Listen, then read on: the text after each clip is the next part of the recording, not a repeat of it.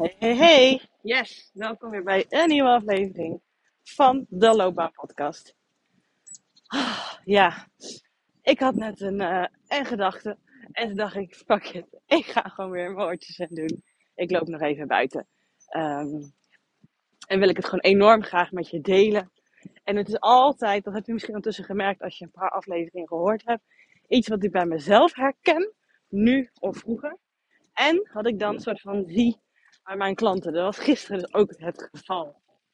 En het is zoiets menselijks altijd, eh, maar ook zoiets wat ons in de weg zit in onze groei. Ehm, en dat is zo zonde, want we houden onszelf daarin tegen. Nou, je hoort waarschijnlijk hier wat wind. Ik probeer het een beetje af te schermen. Ah. En dit is ook iets, nou ja, dat hoorde je misschien ook in mijn vorige aflevering, wat ook nu bij mij speelt. En voor mij is het in de kern. Oh, wat wind. Ik wil het zo graag even kwijt. hè. En voor mij is het in de kern dat het gaat over dat we gewoon enorm bang zijn om de controle los te laten. Als ik namelijk volledig naar deze kant van mezelf luister, wat gaat er dan gebeuren? Mensen denken dan altijd heel erg in zwart-wit. En dat als er iets is wat, ehm, nou ja, vaak oppopt, een bepaalde emotie, een bepaalde soort gedachten. Gisteren had mijn klant het over dat hij vaak onrust ervaarde. Wij hebben inmiddels een bepaalde, ja, ehm, ja, systemische oefening, hoe moet je dat noemen, hebben we dat centraal gesteld. Volle aandacht gegeven aan die onrust die hij ervaarde.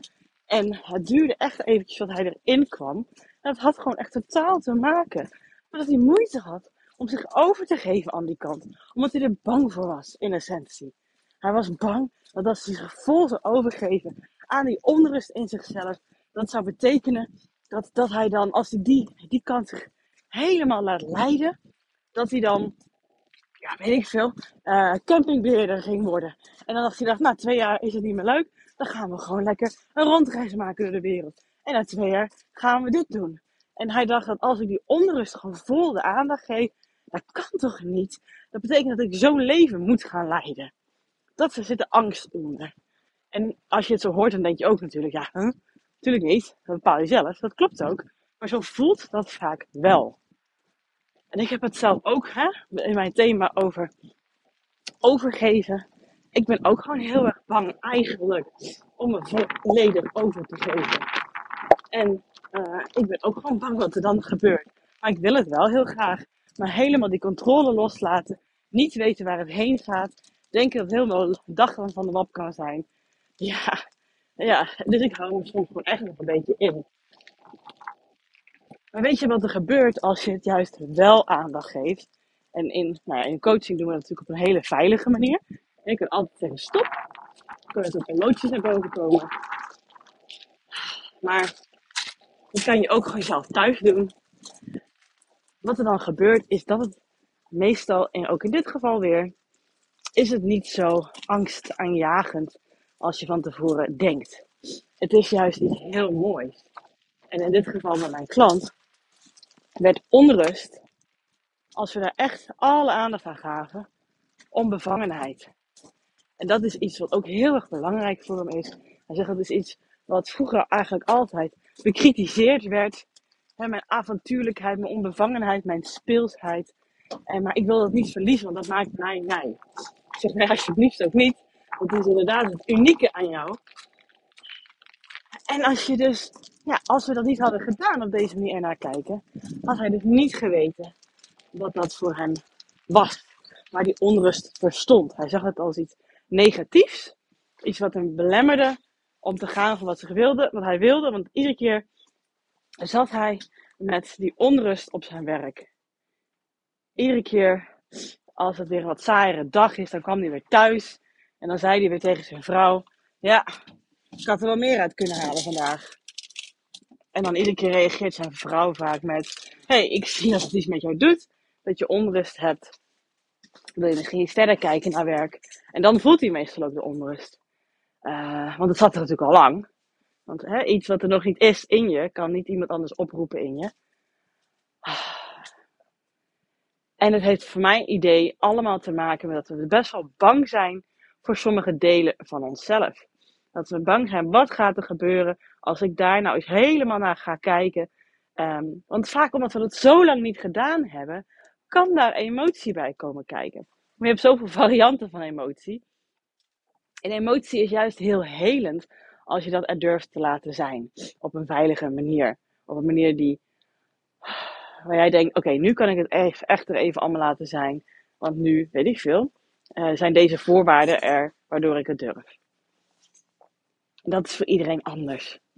Maar dat durven binnenlaten is zo belangrijk. Want dan kan je door die bullshit van je eigen sabotagegedrag heen kijken.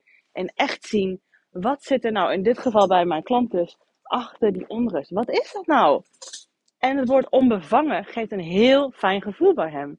Het is een, ja, en toen gingen we daarna kijken van, oké, wat is dat dan precies voor jou? Hoe ziet een onbevangen wereld er precies uit? Nou, daar hebben we middels andere oefeningen naar gekeken. En toen hadden we dat op tafel gelegd en hij dacht, ah, dit is eigenlijk hartstikke mooi. Dit voelt goed.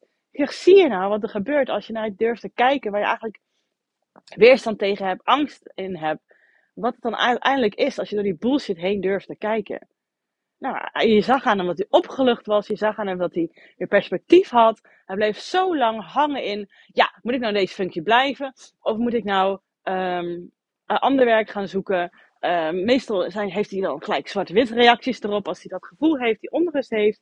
Of het is bagatelliseren. Ja, uh, iedereen heeft het wel eens. Het was vandaag gewoon een minder leuke dag. Uh, ik stel me gewoon niet zo aan. Zoals hij dat noemde, kikker in de pan doen. of het is echt olifant, porseleinen, uh, kast, banjeren en bam! Dit doen, dat doen. En zo heeft hij er ook een keer besluiten ingenomen om een keer een te gaan halen. Of dan met iemand eh, best wel wat acties die niet klein zijn te gaan doen. Maar waar zijn die op gebaseerd? Die zijn gebaseerd op een, op een hele grote stuk onrust. Maar als je het alleen maar vanuit die rauwe vorm gaat bekijken, dan wordt het dus echt olifant en porseleinen kast. Dan kan je meer kapot maken dan nodig is. Maar als jij naar durft te kijken, helemaal, en te zien wat er eigenlijk onder zit, want daar zit de boodschap. En vaak als je daarnaar durft te luisteren, is het iets, niet iets wat heel groot is. Meestal is het niet dat het zulke grote veranderingen hoeven zijn. Mogen wel. Maar heel vaak denken we echt van ik moet hier weg. En uh, andere baan. En oh, nou, campingbeheerder. Uh, worden. Uh, gaat hier een deur dicht. Nee, het is vaak veel kleiner dan dat. Het is vaak veel kleiner dan dat. En daarna durven kijken, geef je dus die antwoorden. Dat kan je op zoveel manieren doen. Dat kan ik natuurlijk met jou doen. Maar dat kan je ook gewoon veilig in je eigen plekje doen. Of plekken waar je heel prettig voelt. Bij mensen waar je heel prettig voelt. Om er echt eens even vol de ruimte, ongefilterd, ernaar te kijken. En te durven ongefilterd ook binnen te laten. En dan krijg je antwoorden. Dat is mooi toch? Want daar wil je uiteindelijk heen toch? Want die gevoelens, die hebben antwoorden in zich die hebben antwoorden in zich. En zolang jij er niet naar gaat kijken, krijg jij die antwoorden niet. En dat is natuurlijk zonde. Eeuwig zonde. Dus durf naar die angst te kijken. Durf naar die onrust te kijken. Durf naar die, dat verlangen te kijken. En laat eens kijken wat voor antwoorden die in zich heeft voor jou.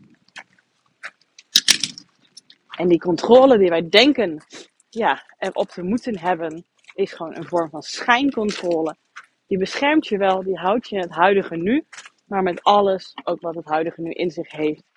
En je brengt je geen steek verder.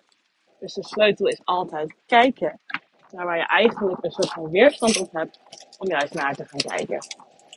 Durf dat te doen. Gun dat jezelf. Oké?